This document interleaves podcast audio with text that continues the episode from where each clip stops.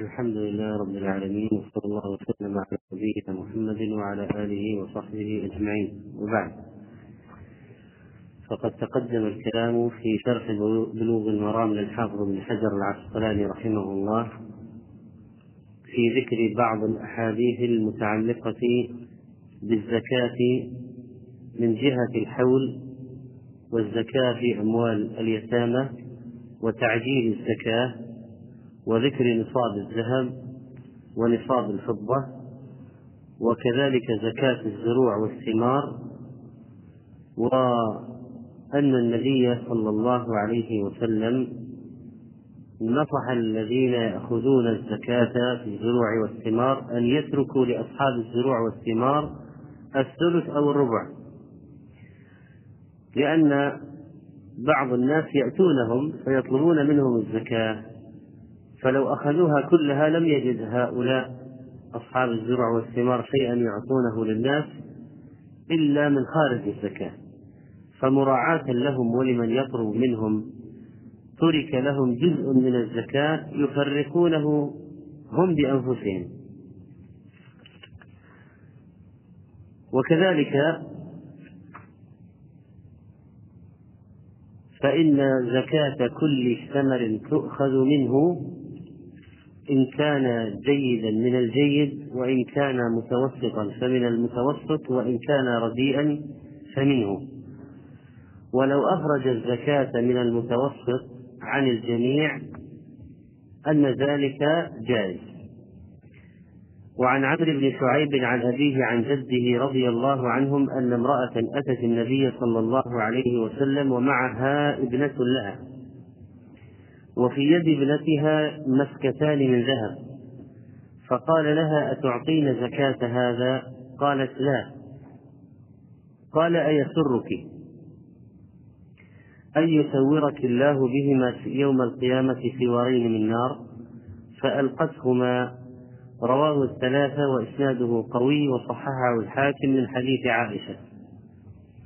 وهذه المرأة التي جاءت النبي صلى الله عليه وسلم هي أسماء بنت يزيد بن السكن الأنصارية الأوسية الأشهلية رضي الله عنها. وقولها في الرواية مسكتان مسكتان تثنية مسكة والمقصود سواران. المسكة السوار من فضة أو من ذهب. هذه وعظت هذه الموعظ الموعظة ألقت السوارين طرحتهما في الأرض مع أنه لا يجب عليها لا يجب عليها التخلص من السوارين لكن لما قال أيسرك أن يسورك الله بهما في يوم القيامة سوارين من نار؟ من شدة الموعظة عليها ألقتهما وقالت هما لله ورسوله. وقال الحافظ رحمه الله إسناده قوي. وعن أم سلمة رضي الله عنها أنها كانت تلبس أوضاحا من ذهب. فقالت يا رسول الله أكنز هو؟ قال إذا أديت زكاته فليس بكنز. رواه أبو داود والدار قطني وصححه الحاكم. وقول إذا أديت زكاته فليس بكنز معنى ذلك أنه يوجد زكاة في الحلي لأن المرأة أم سلمة رضي الله عنها كانت تلبس أوضاحا من ذهب والأوضاح جمع وضح سمي بذلك للمعانه وهو نوع من الحلي يعمل من الفضة يكون لونه أبيض.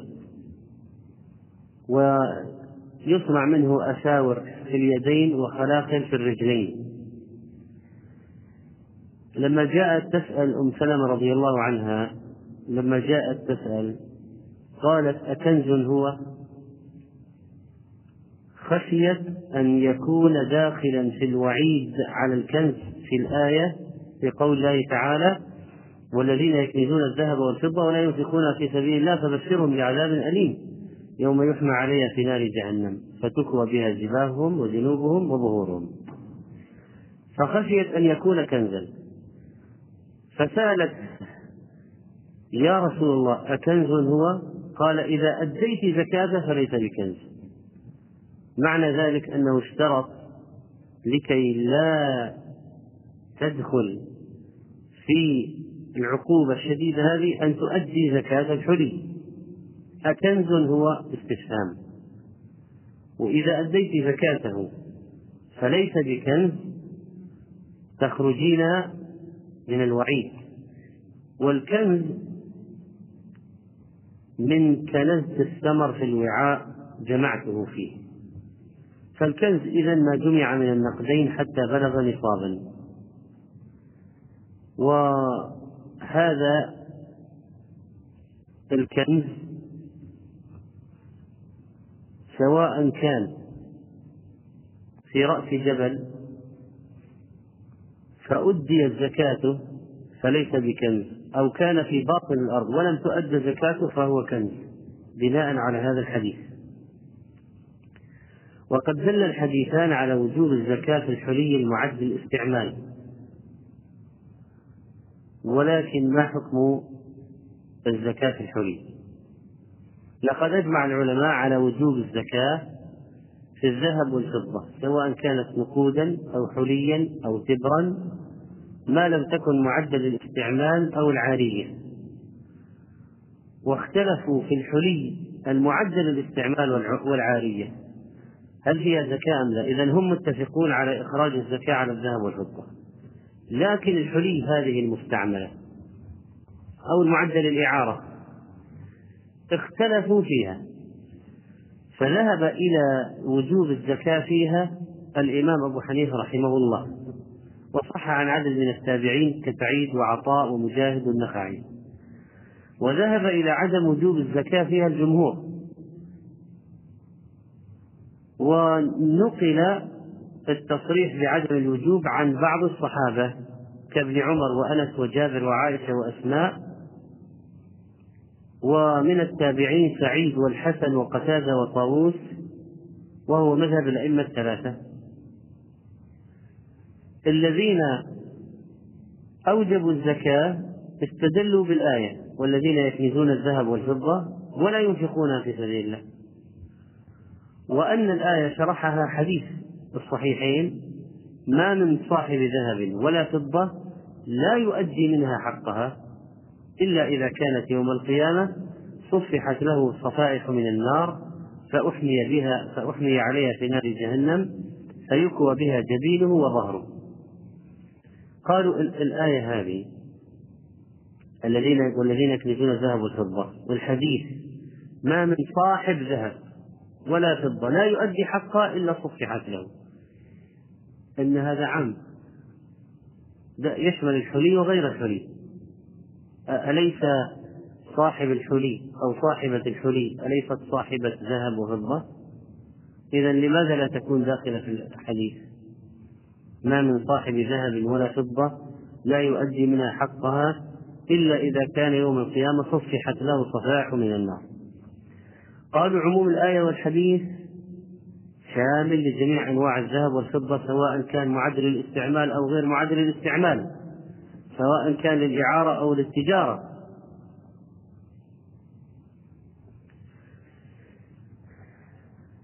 كما استدلوا بحديثي الباب حديث عمرو بن شعيب وحديث أم سلمة. وحديث أم سلمة رحمك الله. طيب.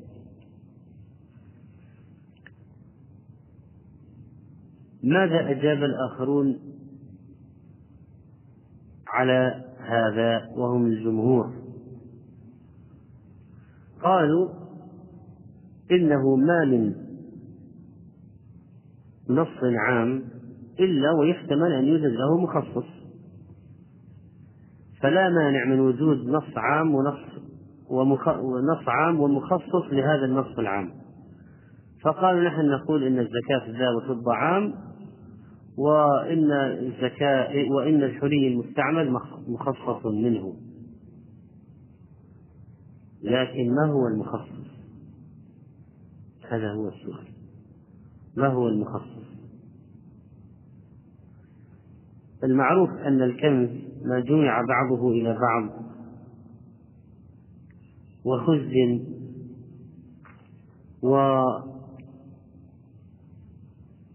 بناء يقولون هذا المستعمل ليس بمخزن ولا مكنوز.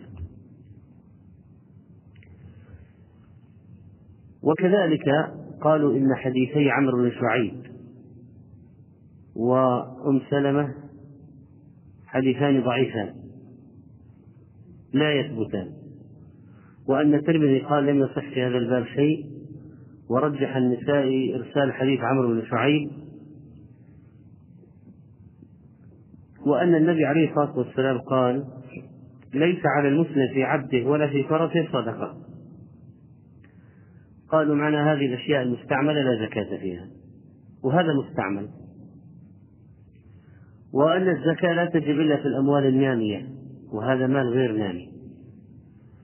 وأن هناك حديثا آخر ليس في الحلي زكاة رواه البيهقي وصححه بعض المحدثين كأبي زرعة وابن الجوزي والمنذري وابن دقيق وابن حجر. وأن ولا طبعا من حجر قال عن حديث عمرو بن شعيب إسناده قوي. وأن النبي صلى الله عليه وسلم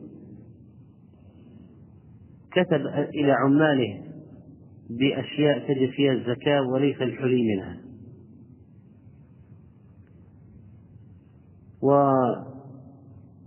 ولماذا لم تخرج عائشة الزكاة على ذهبها وهي تعلم هذا الوعيد؟ وأن هذا قول الأكثرين من أهل العلم.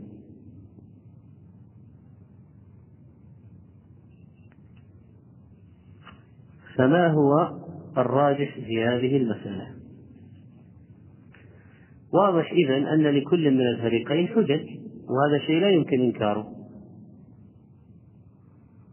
ولكن المرجع عند الاختلاف إلى الكتاب والسنة هذه قاعدة أساسية.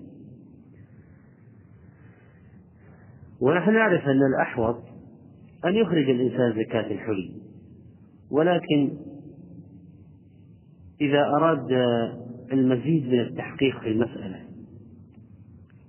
إذا رجعنا إلى كلام العلماء المعاصرين الذين اطلعوا على أقوال أهل العلم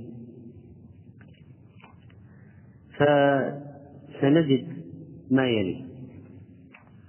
في فتاوى الشيخ عبد العزيز بن باز رحمه الله تعالى قال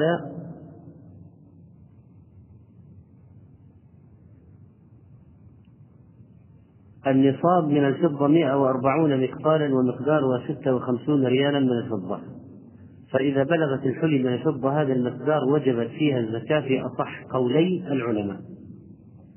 كلما حال عليها الحول والواجب ربع العشر والذهب وذكر نصاب الذهب وقال فإذا حال الحول على الحلي من الذهب البالغ هذا المقدار أو ما هو أكثر منه وجبت فيه الزكاة. فيها الزكاة في أصح قولي العلماء وهو ربع العشر. لقول النبي صلى الله عليه وسلم ما من صاحب ذهب ولا فضة لا يؤدي زكاته.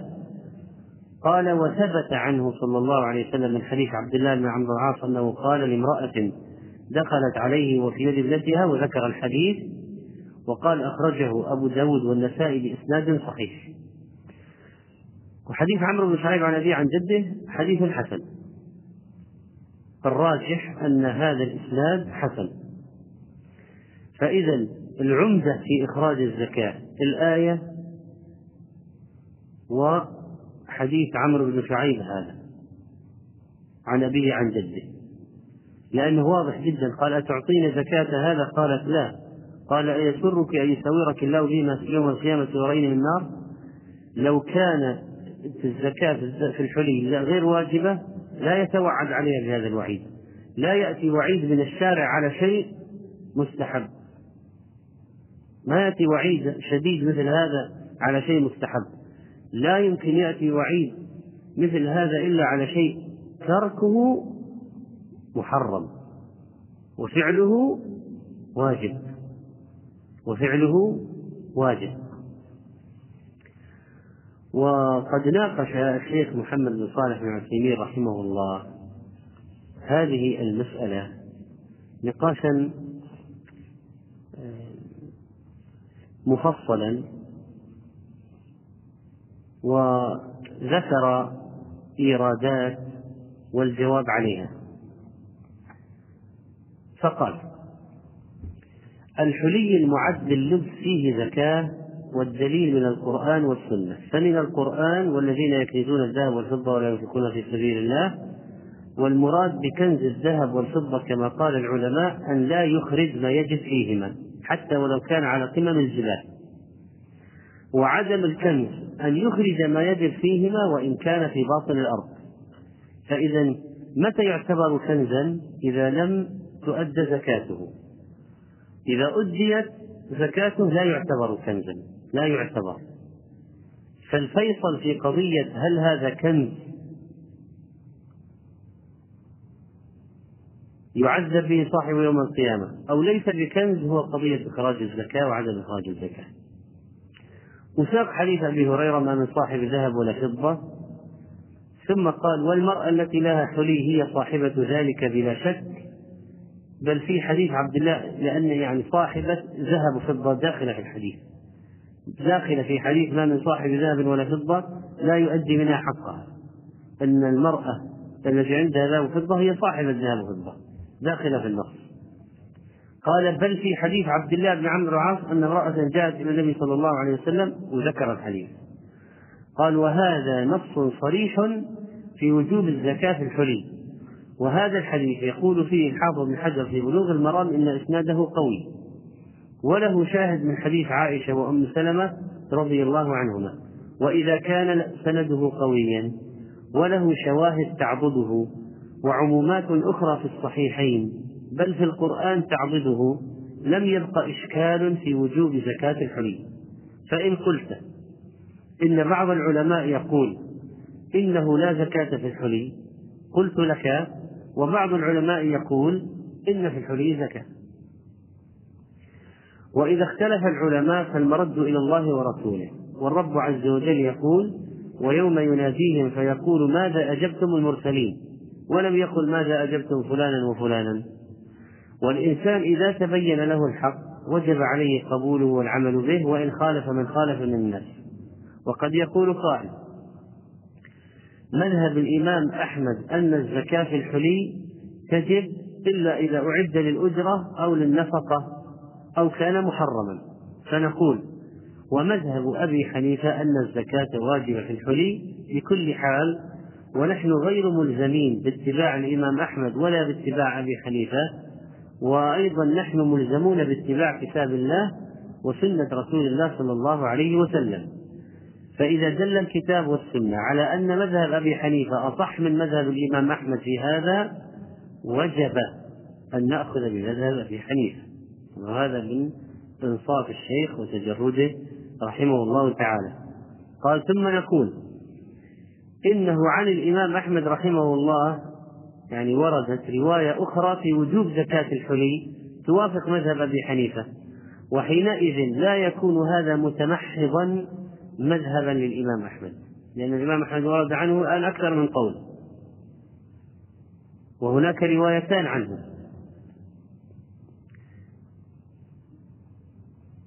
فإن قال قائل أليس الحلي ملبوسا تستعمله المرأة كما تستعمل الثوب الملبوس؟ فالجواب نعم هو كذلك. لكن أصل الذهب والفضة تجب فيها الزكاة. وأصل الثياب القطن والصوف وغيره هل تجب فيها الزكاة؟ أصل الثياب هل تجب فيه الزكاة؟ وأصل الذهب والفضة إذا في فرق أم لا؟ في فرق فإذا لا تقيس الذهب على الملابس هذا قصد رحمه الله أصل الذهب والفضة تجب فيه الزكاة وأصل الثياب لا تجب فيها الزكاة إلا إذا أعدت طبعا للبيع. ونقول لهؤلاء الذين يريدون أن نقيس الذهب على الملابس ما تقولون فيما لو أعدت المرأة ثيابا للأجرة واحد عنده فساتين مثلا قالت أنا أعدها للأجرة أجر الفساتين التي عندي. هل في الفساتين هذه زكاة؟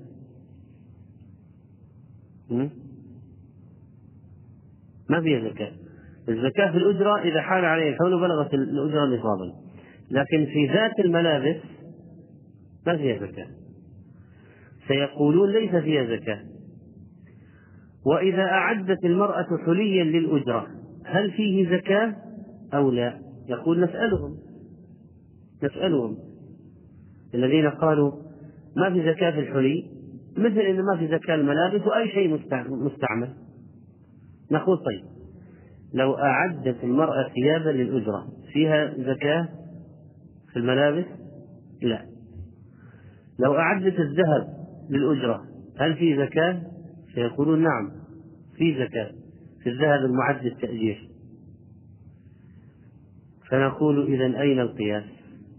لو كان القياس صحيحا لقلنا إذا وجبت الزكاة في الحلي المعد للأجرة فلتجب في الثياب المعدة للأجرة.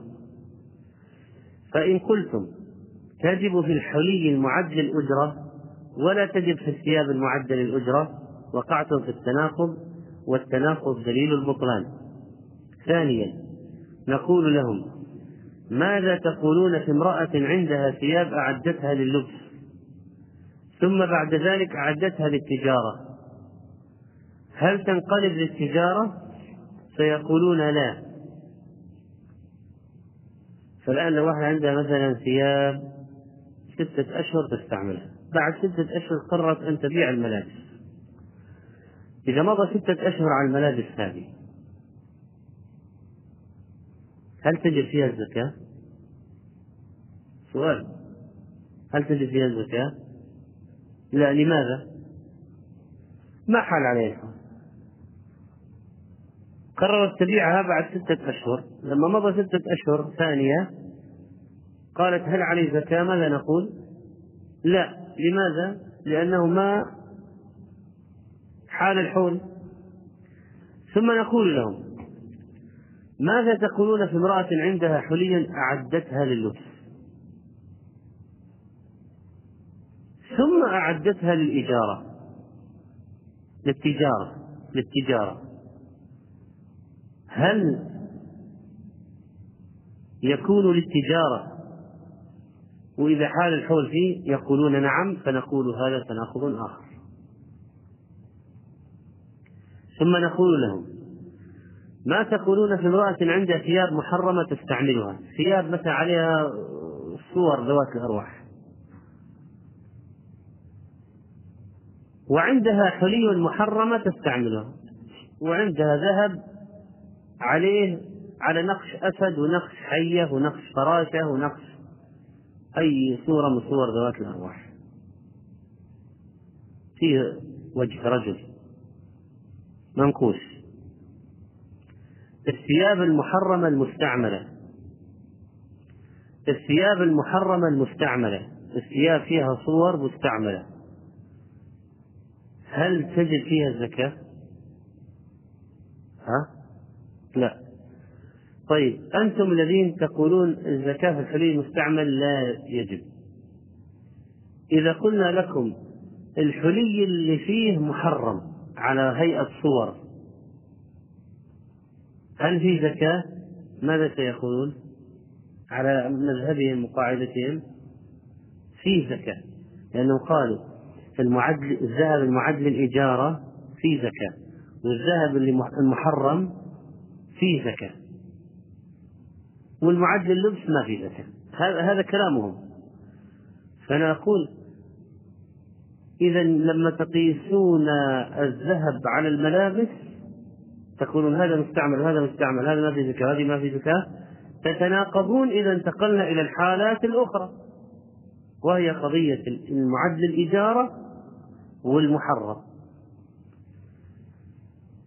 فأين القياس بين شيئين متناقضين. ثم الناس الذين يشترون ذهب كل ما عنده صار عنده سيولة اشترى قطعة ذهب. وهذا موجود عند النساء الآن بل بل وعند بعض الرجال. كل ما توفر عنده سيولة اشترى قطعة ذهب.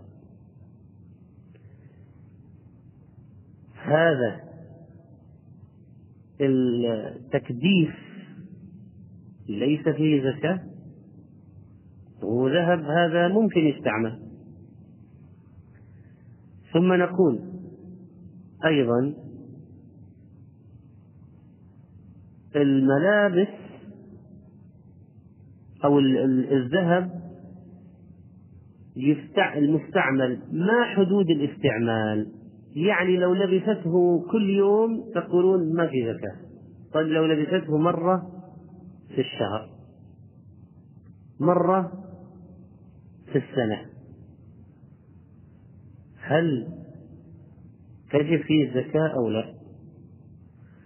لأن بعض النساء الآن تقول أنا عندي ذهب كثير ألبسه على أساس ما أطلع عليه زكاة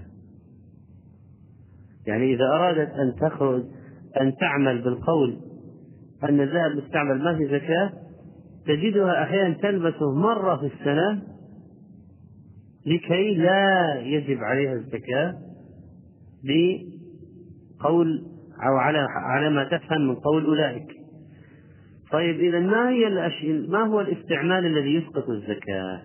مرة في السنة، مرتين في السنة، ثلاث مرات في السنة، كيف ينضبط هذا؟ تضبط كيف عطنا ضابط فيه؟ كيف؟ ست أشهر في السنة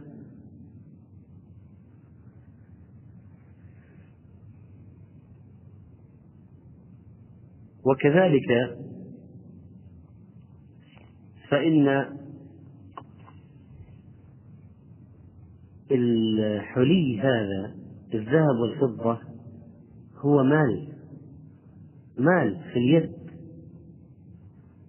كل ما توفر عندها سيولة اشترت قطعة ذهب.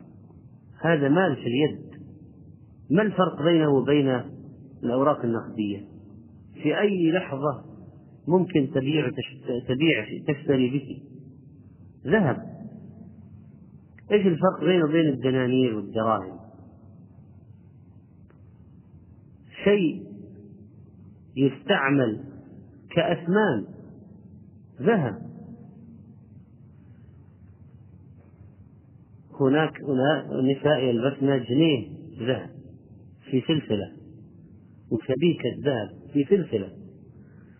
هذا الجنيه والسبيكة هذه عند التجار هذه أموال تشتري بها مباشرة.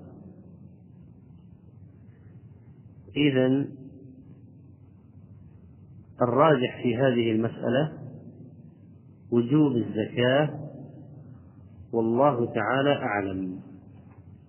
وجوب الزكاة. إذا بلغ نصابا وجوب الزكاة. طيب على الرجل أم على المرأة؟ على الزوج أو على الزوجة؟ طبعا الزكاة على صاحب المال. زكاة المال على صاحبه. فإذا كانت المرأة تملكه وجب عليها هي وإذا تطوع زوجها بالإخراج عنها كان مأجورا وأجزأ عنها. كان مأجورا وأجزأ عنها. طيب على أي سعر تخرج الزكاة؟ هي اشترت الذهب بخمس آلاف لو الآن ذهبت تبيعه ثلاثة آلاف. نقول تحسب الزكاة على سعره الحالي في السوق. تحسب الزكاة على سعره الحالي في السوق. كم الآن يسوى ذهبها في السوق؟ بناء على ما يسوى ذهبها في السوق تخرج الزكاة. تخرج الزكاة.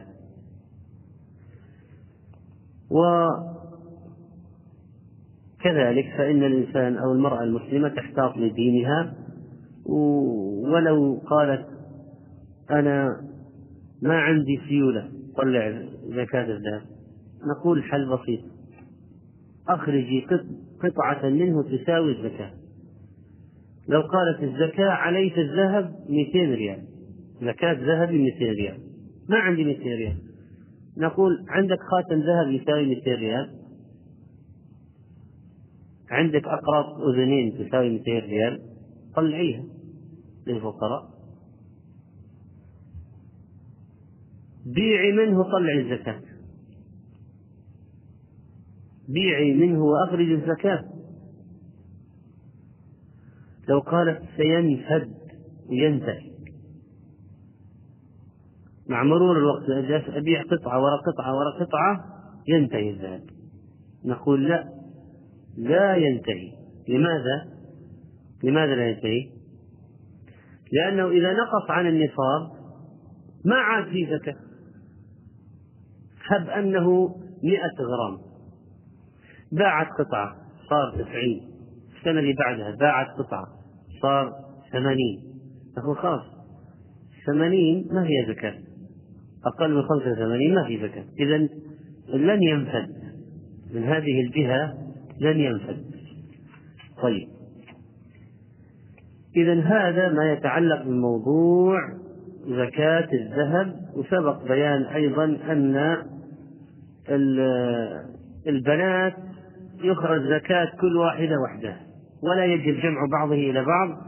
فلو كان زكاة ذهب فلو كان الذهب هذه البنت أربعين غرام وهذه البنت أربعين غرام. وهذه البنت أربعين غرام ما تجب الزكاة. ولا يقال مجموع 120 فيها زكاة. نقول تعامل كل واحدة وحدها والزوجة وحدها والبنت وحدها والزوجة الثانية وحدها وهكذا. وعن سمرة بن جندب رضي الله عنه قال كان رسول الله صلى الله عليه وسلم يأمرنا أن نخرج الصدقة من الذي نعده للبيع. رواه أبو داود وإسناده ليه والحديث حسنه ابن عبد البر. ومعنى نعده أي نهيئه ونحضره للتجارة. دل هذا الحديث على وجوب الزكاة الذي يعد للبيع يعني عروض التجارة والسلع التي تباع. والأصل في ذلك خذ من أموالهم صدقة. وعروض التجارة من الأموال أم لا؟ من الأموال. قال تعالى والذين في أموالهم حق للسائل حق للسائل والمحروم. عروض التجارة من الأموال التي فيها حق للسائل والمحروم أم لا. وكذلك هذا الحديث. ثم حديث إن بعض الناس وقعوا في خالد بن الوليد لأنه لا يخرج زكاة ما عنده. فقال النبي عليه الصلاة والسلام إنكم تظلمون خالدا. إنكم تظلمون خالدا. قد احتبس أدراعه وأعتاده. جعلها وقف في سبيل الله. والمال الموقوف هل في زكاة؟ لا زكاة فيه. قال النووي في هذا فيه وجوب زكاة التجارة. وقد نقل ابن المنذر وغيره إجماع أهل العلم أن في العروض تجارة. وقال المجد هو إجماع.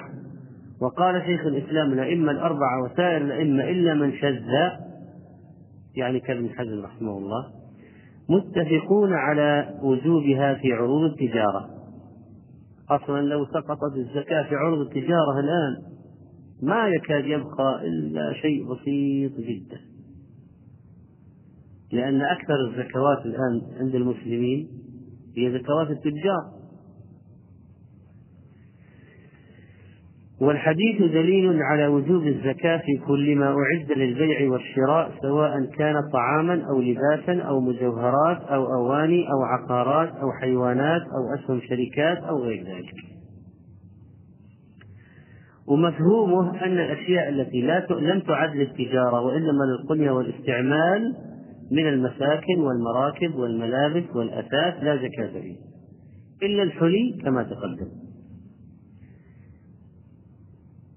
وقدر زكاة عروض التجارة مثل زكاة الذهب والفضة ربع العشر لا تجب إلا إذا حال الحول. طيب الربح ماذا نفعل به في عروض التجارة؟ واحد بدأ بمئة ألف من أول السنة وصار يبيع ويشتري ويبيع ويشتري ويبيع. نهاية السنة صارت المية صارت مية وخمسين.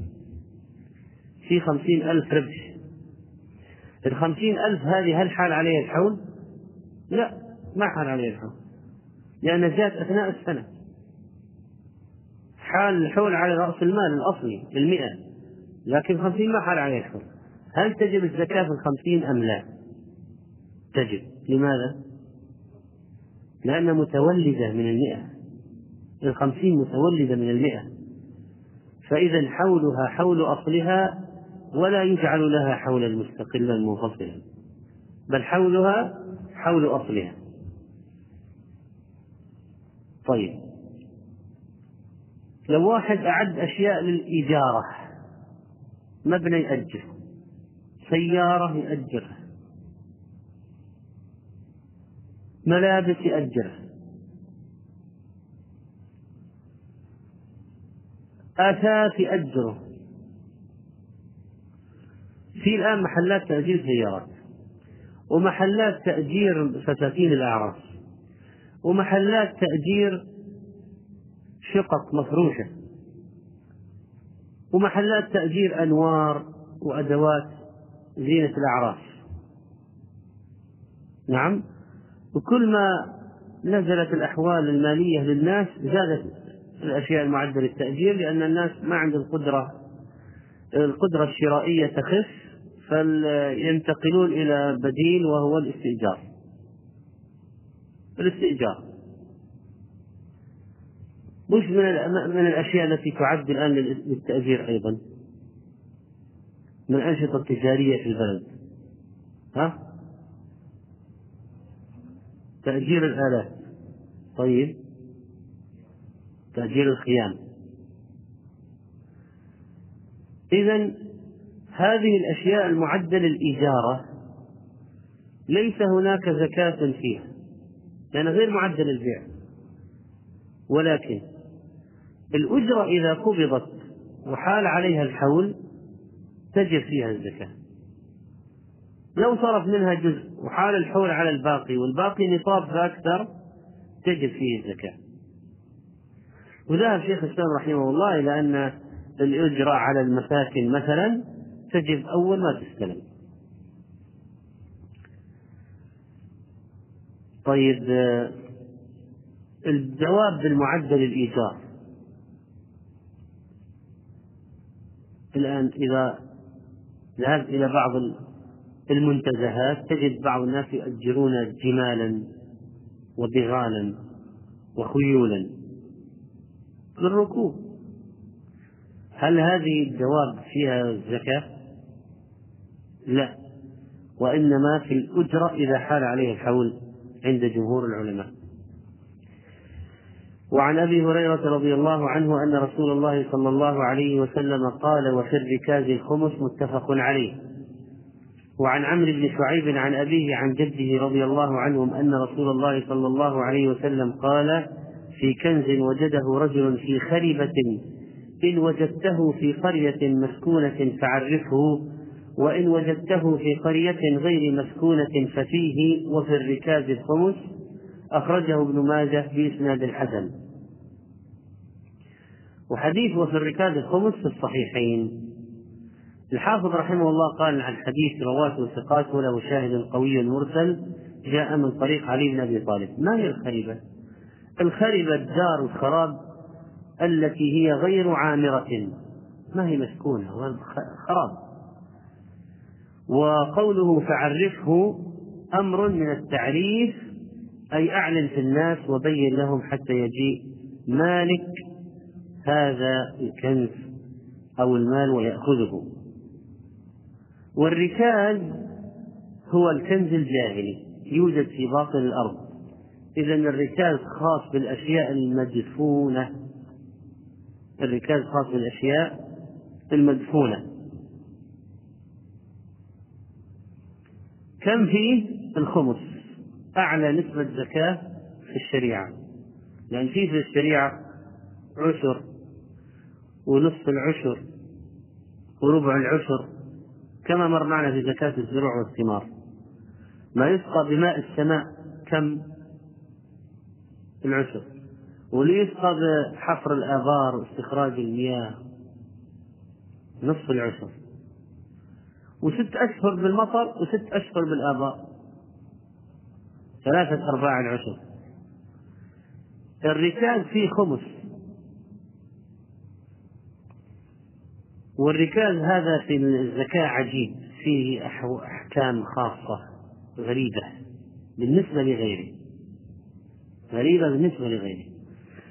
وعن بلال بن الحارث رضي الله عنه أن رسول الله صلى الله عليه وسلم أخذ من المعادن القبلية الصدقة رواه أبو داود. وهذا الحديث مرسل وحكم عليه بعضهم بالضعف. والمعادن جمع معدن سمي معدنا لإقامته الطويلة وعدن بالمكان يعني أقام فيه. فهذا المعدن لأنه مكث في الأرض. مدة طويلة سمي معدنا. هذه المادة العضوية الموجودة في الطبيعة كالذهب والحديد والزئبق. وقوله من المعادن القبلية القبلية موضع بناحية ساحل البحر الأحمر من منطقة الفرع من بلاد مزينة. طيب إذا الآن المسألة عندنا حديثان واحد في زكاة الركاز وواحد في زكاة المعادن. أما بالنسبة للركاز ما وجد من زمن الجاهلية من كانوا قبل الإسلام أو ما وجد من دفن من تقدم من كفار وإن لم يكونوا في الجاهلية. وجدنا كنز في مكان دفنه كفار. كنز في مكان للكفار. طيب كيف عرفنا؟ مثلا وجدنا دنانير عليها أسماء ملوكهم. مفكوكة. مثل ما يوجد مثلا من ذهب الفراعنة أو غيرهم من الكفار. يمكن نحصل عليها صور أصنامهم مثلا صور معبوداتهم. فنعرف أنها للكفار.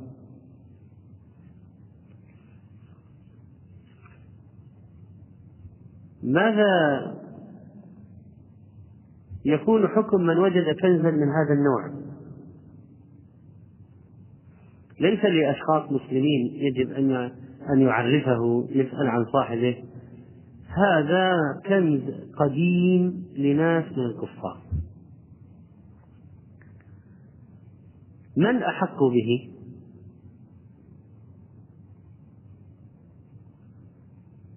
الجواب واجده أحق به.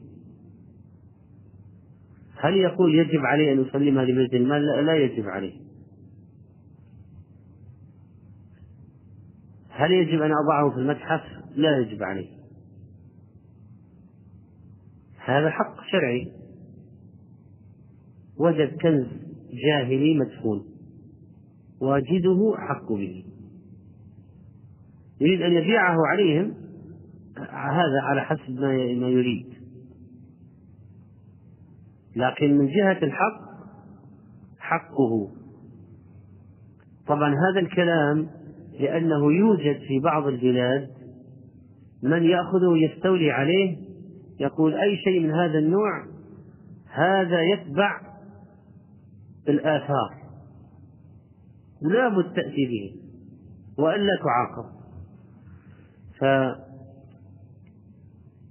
من جهة الشرع الركاز ملك لواجده لأنه أحق به ولفعل عمر وعلي رضي الله عنهما فإنهما دفعا باقي الركاز لواجده مع أن عمر خليفة دفع باقي الركاز لواجده حق شرعي.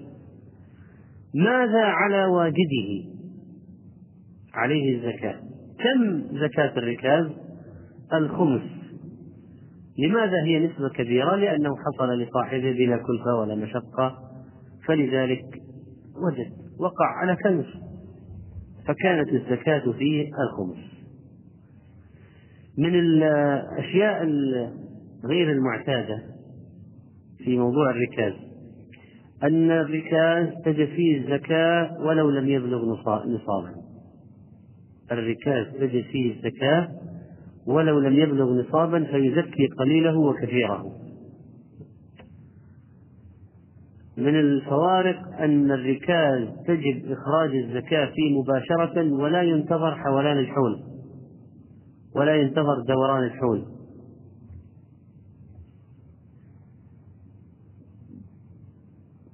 من الفوارق أن الزكاة تجب ولو كان الذي وجده ذميا كافرا. ما دام بدار الإسلام تؤخذ يؤخذ منه الخمس لو عرفنا أن هذا كافر ذمي أو مستأمن موجود في بلاد المسلمين عرفنا أنه وقع على ركاز على كنز جاهلي نقول هات الخمس من الفوارق أن الركاز الزكاة الركاز ليس إنفاقها في المصارف الثمانية واجبا. بل يمكن تخرج في أي مصرف من مصالح المسلمين العامة ولا يخص بها الأقسام الثمانية فهو أشبه شيء أو فهي زكاة الركاز أشبه شيء بالفيء. أشبه شيء بالمصارف الفيء. ومصارف الفيء لا يخص بها الأصناف الثمانية. طيب. إذا وجد الركاز في أرض موات بر لا يملكه أحد أرض ميتة أو مشاعة أو لا يعلم مالكها أو على طريق غير مسلوك أو في قرية خربة فإنه لواجده في جميع هذه الصور. هذا بالنسبة لموضوع زكاة الركاز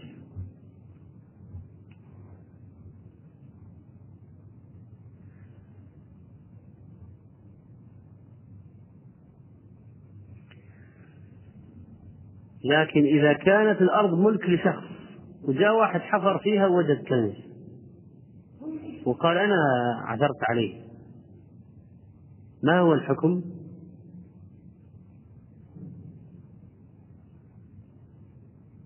ما هو الحكم؟ نقول كيف تنبش أرض غيرك؟ هناك مالك لهذه الأرض كيف تنبشها وتأخذ الكنز الذي فيها؟ هذا لمن لمالك الأرض هذا لمالك الأرض بالنسبة لموضوع المعادن زكاة المعادن إذا بلغ المعدن نصابا إذا بلغ المعدن نصابا تجب فيه الزكاة حتى لو كان من الحديد والنحاس والرصاص والعقيق والبلور ففيه الزكاة. طيب متى؟ واحد عثر على زكاة في على معدن في أرض أخذه. متى تجب استخرجه. منجا. متى تجب الزكاة؟ متى تجب الزكاة؟ فورا. لا ينتظر حول فورا. لعموم قوله تعالى ومما أخرجنا لكم من الأرض. وهذا يشمل الزروع ويشمل المعادن. طيب كم فيه النصاب؟ كم فيه الزكاة؟ ربع العشر. لماذا؟ لأن الاستخراج المعادن فيه كلفة ومؤونة ومشقة. فيه نوع من الكلفة والمؤونة والمشقة. بل يموت فيه ناس. مناجم يموت فيها ناس. معدل معرضة للانهيارات واحتاج إلى آلات خاصة استخراج المعادن. و لا يكمل نصاب الواحد من الثاني. يعني لو واحد عثر على حديد وعلى نحاس وعلى آه، نفط فلا يكمل هذا من هذا. كل واحد وحده. إذا بلغ النصاب يخرج زكاته منه. فإذا كان أقل من النصاب لا زكاة فيه إذا بلغ النصاب يخرج مباشرة لأنه مال مستفاد من الأرض. مال مستفاد من الأرض. الأئمة الثلاثة يفرقون بين المعادن والركاز. الأحناف يقولون إن المعدن هو الركاز. بالتالي طبعا تختلف النسبة. المالكية والشافعية قالوا المعدن هو الذهب والفضة بالذات. الحنابلة قالوا المعدن أي شيء متولد من جنس أي شيء متولد من الأرض من غير جنسها. ليس نباتا. ويعتبر الحنابلة أن أي شيء جاء ولو كان جاريا على الأرض المعدن ولو كان جاريا كالنفط والقار لأن بعض أنواع النفط توجد على ارتفاع على آه، لا ليس على أعماق سحيقة توجد أحيانا تتشقق الأرض ويخرج منها. فسواء كان جاريا كالنفط والقار. النفط ترى يعتبرون الفقهاء من المعادن هذه يعتبرونه من المعادن أو جامدا كالحديد والنحاس والذهب والفضة. فهو من المعادن فالمعادن أنواع. منها ما ينطبع بالنار كالذهب والفضة والحديد والنحاس والرصاص ومنها ما هو جامد لا ينطبع ولا يذوب بالنار كالكحل والجص والنورة والياقوت والملح. ترى هذه يعني داخلة في عموم المعادن استخراجات من الأرض. ومنه مائع كالزفت والقار والنفط مائعات. فإذا في جوامد تنطبع وجوامد لا تنطبع. طيب والماس؟ ها؟ يستخرج ولا لا؟ إذا في مذهب الحنابلة يشمل كل هذا بناء عليه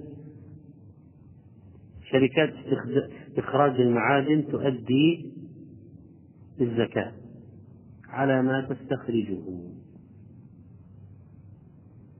على ما تستخرجه.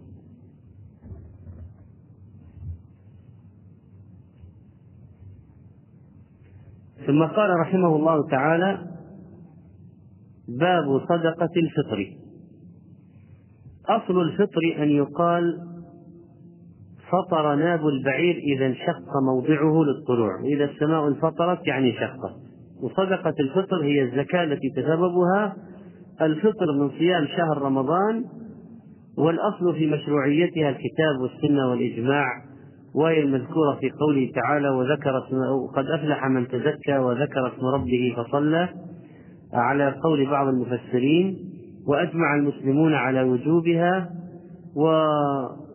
وهي فرض لازم وواجب وجاءت في السنة أيضا فرضت في رمضان في السنة الثانية للهجرة والحكمة منها تطهير للصائم من اللغو والرفث وطعم للمساكين وترفع من خرق من الصيام بالغيبة والكذب والمحرمات ولها حكم وأسرار عظيمة وفيها شكر لله على أن متع الصائم مكنه من الصيام وأن صحته باقية ودار الحول عليه وهو سليم في بدنه وفيها تكافل مع المسلمين وإطعام الجائعين في يوم العيد وإغناء هؤلاء عن السؤال وإشاعة السرور والفرح في المجتمع وأن يكون الفقير في كفاف في هذا اليوم لا يحتاج إلى مد اليد. عن ابن عمر رضي الله عنهما قال فرض رسول الله صلى الله عليه وسلم زكاة الفطر صاعا من تمر أو صاعا من شعير. على العبد والحر والذكر والأنثى والصغير والكبير من المسلمين وأمر بها أن تؤدى قبل خروج الناس إلى الصلاة متفق عليه. ولابن عدي والدار قطني بإسناد ضعيف أغنوهم عن الطواف في هذا اليوم. وهذه الزيادة ضعيفة من رواية نجيح أبو معشر السندي. قال الحافظ إنه ضعيف وضعفه ابن المديني والنسائي وقال البخاري منكر الحديث. تقدم معنا أن كلمة فرض يعني أوجب أوجب الفرض يعني الوجوب. وزكاة الفطر اصطلاح إسلامي لا يوجد عند العرب هذا من قبل زكاة الفطر. وكأنها من الفطرة التي هي النفوس والخلقة كأن زكاة الخلقة. واللفظة هذه إذا لفظة إسلامية لم تكن معروفة عند العرب في القبل من قبل ولم يأتي اسمها إلا على لسان صاحب الشرع. الرسول صلى الله عليه وسلم الذي أخبرنا بذلك. يقال عنها صدقة الفطر يقال زكاة الفطر يقال صدقة رمضان يقال زكاة الصوم كل كل ذلك لا بأس به. كل ذلك صحيح. قال أمر بها أن تؤدى قبل خروج الناس إلى الصلاة. أي صلاة؟ صلاة عيد الفطر بالذات. ومعنى أغنوهم يعني أطعموهم وكفوهم بحيث لا يحتاج إلى الطواف والدوران على الناس للسؤال في هذا اليوم لأنه يوم فرح. وقد أجمع العلماء على وجوب زكاة الفطر أخذا من قوله صلى الله عليه وسلم أخذا من قول قول الراوي فرض رسول الله صلى الله عليه وسلم زكاة الفطر فالفرض هو الواجب وهذا محل إجماع تجب على المسلم ذكر أو أنثى حر أو عبد صغير أو كبير. تستحب في الجنين ولا تجب الأفضل أن تؤدى صبح العيد قبل خروج الناس للصلاة. وما مقدارها؟ وما وقتها؟ الوقت الراجح.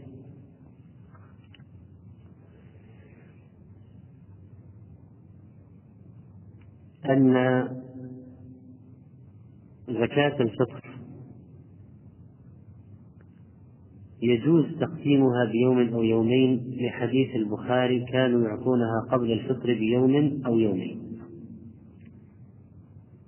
وقال بعض العلماء لا يجوز تقديمها مطلقا وهو مذهب مالك والشافعية قالوا يجوز تقديمها من أول رمضان.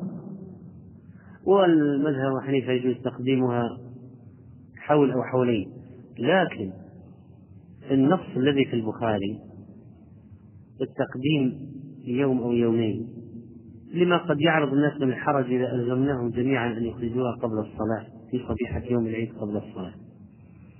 لكن ما هو وقت الوجوب؟ متى تجد؟ متى تجد؟ الأئمة الثلاثة قالوا تجب بغروب شمس ليلة عيد الفطر لأنه أول فطر يقع من جميع رمضان بمغيب الشمس في ليلة الفطر. وبناء عليه من كان حيا من كان حيا إلى وقت غروب الشمس واستمرت حياته بعد غروب الشمس وجبت عليه زكاة الفطر ولو مات ليلة العيد ولو مات ليلة العيد. ولو واحد مات قبل مغرب ليلة العيد فهو ليس حيا عندما وجبت. إحنا قلنا تجب بغروب شمس ليلة العيد. فإذا مات قبل غروب شمس ليلة العيد فليس من أهل الوجوب لا تجب عليه. طيب. واحد ولد بعد المغرب. ليلة العيد. هل عليه زكاة؟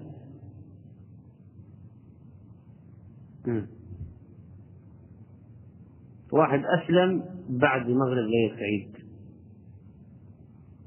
ليس عليه زكاة. لعدم وجود سبب الوجوب عليه. لعدم وجود سبب الوجوب عليه. لكن لو كان حيا من قبل وجاء مغرب ليلة العيد غربت شمسه وهو حي تجب تجب عليه.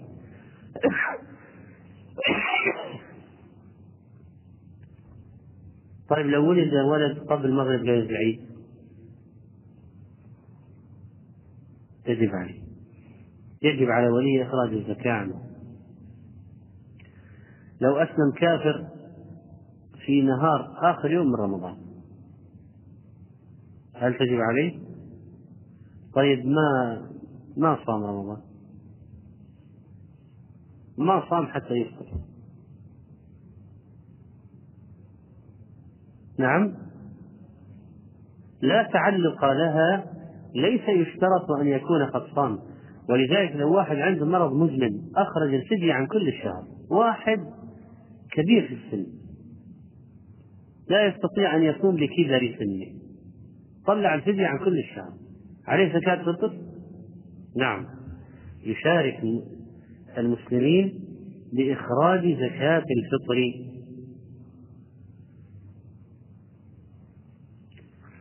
قال وعن أبي سعيد الخدري رضي الله عنه قال كنا نعطيها في زمن النبي صلى الله عليه وسلم صاعا من طعام أو صاعا من تمر أو صاعا من شعير أو صاعا من زبيب متفق عليه. متفق عليه. هذا الحديث يبين المقدار وسنرجع الكلام عن هذا الحديث والحديث الذي يليه إلى الدرس القادم إن شاء الله.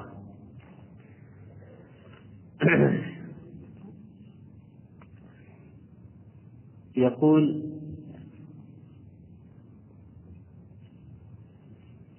إذا وجد شخص كنزا يحتوي على تماثيل إن كانت تماثيل ذوات الأرواح وجب عليه إتلافها لأن مهدرة شرعا لا يجوز إبقاؤها. طيب لو قال أكثر الرأس قلنا لا بأس أكثر الرأس. إذا كسرت الرأس خلاص. الصورة الرأس فإذا قطع الرأس فلا صورة.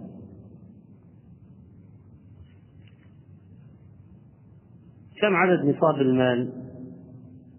إذا بلغ المال مئتي درهم أو خمسة وثمانين أو عشرين مثقالا من الذهب أو مئتي درهم من الفضة تجب الزكاة. أول ما فكت الريالات هنا كانت ريالة فضة. وقالوا العلماء في ذلك الوقت أن 56 ريال فضة يعادل 200 درهم. ال 56 ريال فضة التي كانت تعادل 200 درهم وهو النصاب لو أردنا أن نعرف سعرها الآن ريال الفضة القديم سعره الآن بين 9 و 10 ريال. فيكون النصاب الآن تقريبا 500 ريال بالعملات الورقية لو كانت البلد سكت ذهبها سكت العملة على الذهب من أول ما سكت العملة على الذهب. لقلنا العملة الورقية طبعا بدل العملة الذهبية أو العملة الورقية بدل العملة الفضية حسب ما سكوا عملة البلد. فلو كان سكوها ذهب قلنا النصاب العملة الورقية على الذهب. إذا سكوا العملة فضة نقول بعد ذلك بدلوها بورق نقول الآن زكاة العملة النصاب الورقية على حسب نصاب الفضة. طيب. يقول لو أخرجنا زكاة الفطر من أول رمضان على الراجح لا يجزي لا يجزي الرخصة يوم أو يومين قبل رمضان.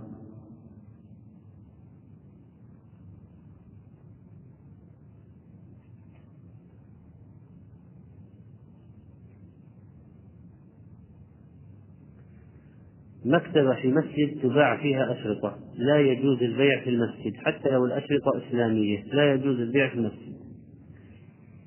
لو كانت المكتبة هذه لا مدخل منها إلى المسجد في زاوية وبابها إلى الشارع إذا لا تأخذ حكم المسجد. أما إذا بابها إلى المسجد فتأخذ حكم المسجد. وبناء عليه تعرف يباع فيها ولا لا.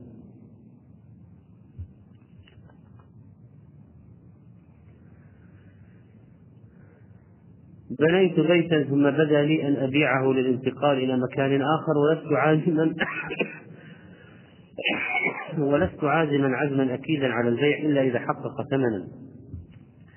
ما دام نويت البيع وتنتظر الثمن فعليك الزكاة إذا حال الحول لكن لو قال أنا محتار أأجر أبيع أسكن فيه ما جزم بشيء فليس فيه زكاة. لكن لو جزم بالبيع وينتظر السعر. جزم قال خلاص هذا البيت للبيع. أنا بس أنتظر المشتري المناسب. فتجب الزكاة إذا حال الحول.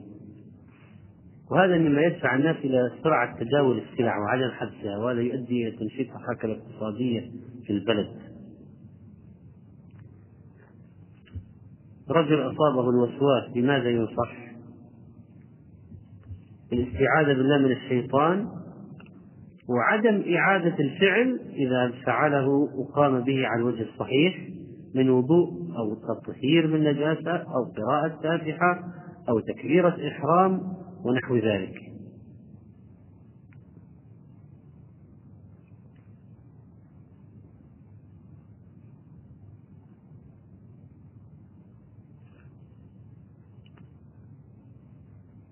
بعض الموظفين يسجلون في دفتر الدوام عن زملائهم دون أن يداوم الآخر فهل مالهم حلال أم حرام؟ الذي لم يحضر لا يجوز له أن يأخذ الراتب. إذ الذي لم يحضر من غير عذر لا يجوز أن يأخذ الراتب. وفعل صاحبه هذا غش وكذب وتزوير لأنه وقع أنه عنه والأصل أن التوقيع للشخص نفسه. ثم كذب بأن جعله يبدو حاضرا وهو ليس بحاضر. وذاك إذا كان راضيا فإنه آثم أيضا خصوصا إذا أمره أو اتفق معه على ذلك. لدي عاملات غير مسلمات. يعمل جهاز الراديو على إذاعة القرآن الكريم في الغرفة التي يعمل يعملن بها. فقالت لي إحداهن إنه لا يجوز تشغيله عندهن لأنهن كافرات. هل هذا الكلام صحيح؟ الجواب غير صحيح. وإن أحد من المشركين استجارك فأجره حتى يسمع كلام الله. فإذا إبلاغ الكفار كلام الله ويسمعهم كلام الله هذا من المقاصد الشرعية. فليسمع كلام الله. هذا ليس مصحف حتى نقول لا تمكن الكافر من مسجد. هذا مسجل صوت. ونحن الآن لا نعرف ما أن السؤال هذا جاء من أسئلة الإنترنت. لا نعرف هل هذا السائل أو السائلة هذه موجودة في جزيرة العرب أم لا. لكن إذا كانت هذه السائلة موجودة في جزيرة العرب ننصحها بعدم إبقاء الخادمات الكافرات لأن النبي عليه الصلاة والسلام قال أخرجوا اليهود والنصارى من جزيرة العرب لا يجتمع فيها دينان فيجب أن تبقى نقية خالصة. وإذا كانت خارج جزيرة العرب فبقاء الكافر المأمون جائز مع الاجتهاد في دعوته إلى الإسلام. هل يجوز إرسال الزكاة لأشخاص محتاجين من الأقارب كالأم والأب والإخوة؟ لا. ليسوا سواء فالأم والأب لا يجوز إعطاء من الزكاة لأن الإنسان مكلف بنفقتهم شرعا فكيف يفتدي النفقة بالزكاة؟ يفتدي النفقة التي يجب أن يخرجها هو غير الزكاة يوم يعطي بدلا منها زكاة. أما الإخوة إذا كانوا فقراء الراجح جواز إعطاء الزكاة إليهم حتى لو كانوا في بلد آخر. بعض النساء قد يكون عندها ذهب تلبسه فقط في المناسبات فقد تجلس السنة أو أكثر لا تلبسه. عليها الزكاة. تلبسه أو ما تلبسه. ما حكم زيادة ثمن السلعة إذا بيعت بالتقسيط؟ عن سعرها إذا بيعت نقدا. الراجح من قولي أهل العلم في المسألة جواز ذلك. لكن لا ينفصل بالعقد حتى يحدد هل هو بالأقصى هل هو بالآجل أو بالحال؟ فإذا قال أبيعك نقدا بألف وإلى أجل إلى سنة بألف ومائتين الراجح الجواز بشرط أن لا ينفصل العقد إلا على ثمن محدد هذا أو هذا. فلا يجوز أقول أن يقول اشتريته منك وما نختلف. إن جبتها مباشرة خذ أجيب ألف وإن جبت بعد سنة أجيب ألف ومئتين. بيع باطل. السبب أن الثمن غير محدد. وإذا كان الثمن غير محدد فلا يجوز البيع. لكن لو قال أشتريها منك إلى سنة بألف ومئتين صح البيع. إذا قال أشتريها منك الآن حالة بألف صح البيع. لأجل تحديد الثمن. شخص يمتلك عددا من الشقق كاستثمار لماله ويؤجرها للاستفادة حتى يحتاج مالا فيبيعها. إذا قرر البيع يبدأ الحول إذا قرر البيع إذا قرر البيع بدأ الحول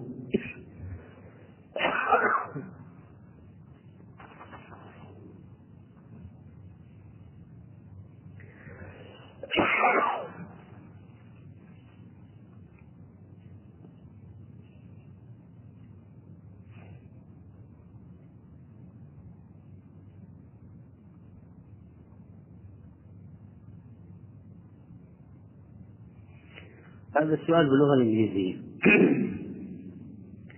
New Muslim sister is asking that she wants to marry Muslim man and go with him to a Muslim country. However, her Christian mother cannot tolerate her only daughter going away to different country. The sister is confused whether she should go ahead and leave her mom and make hijrah.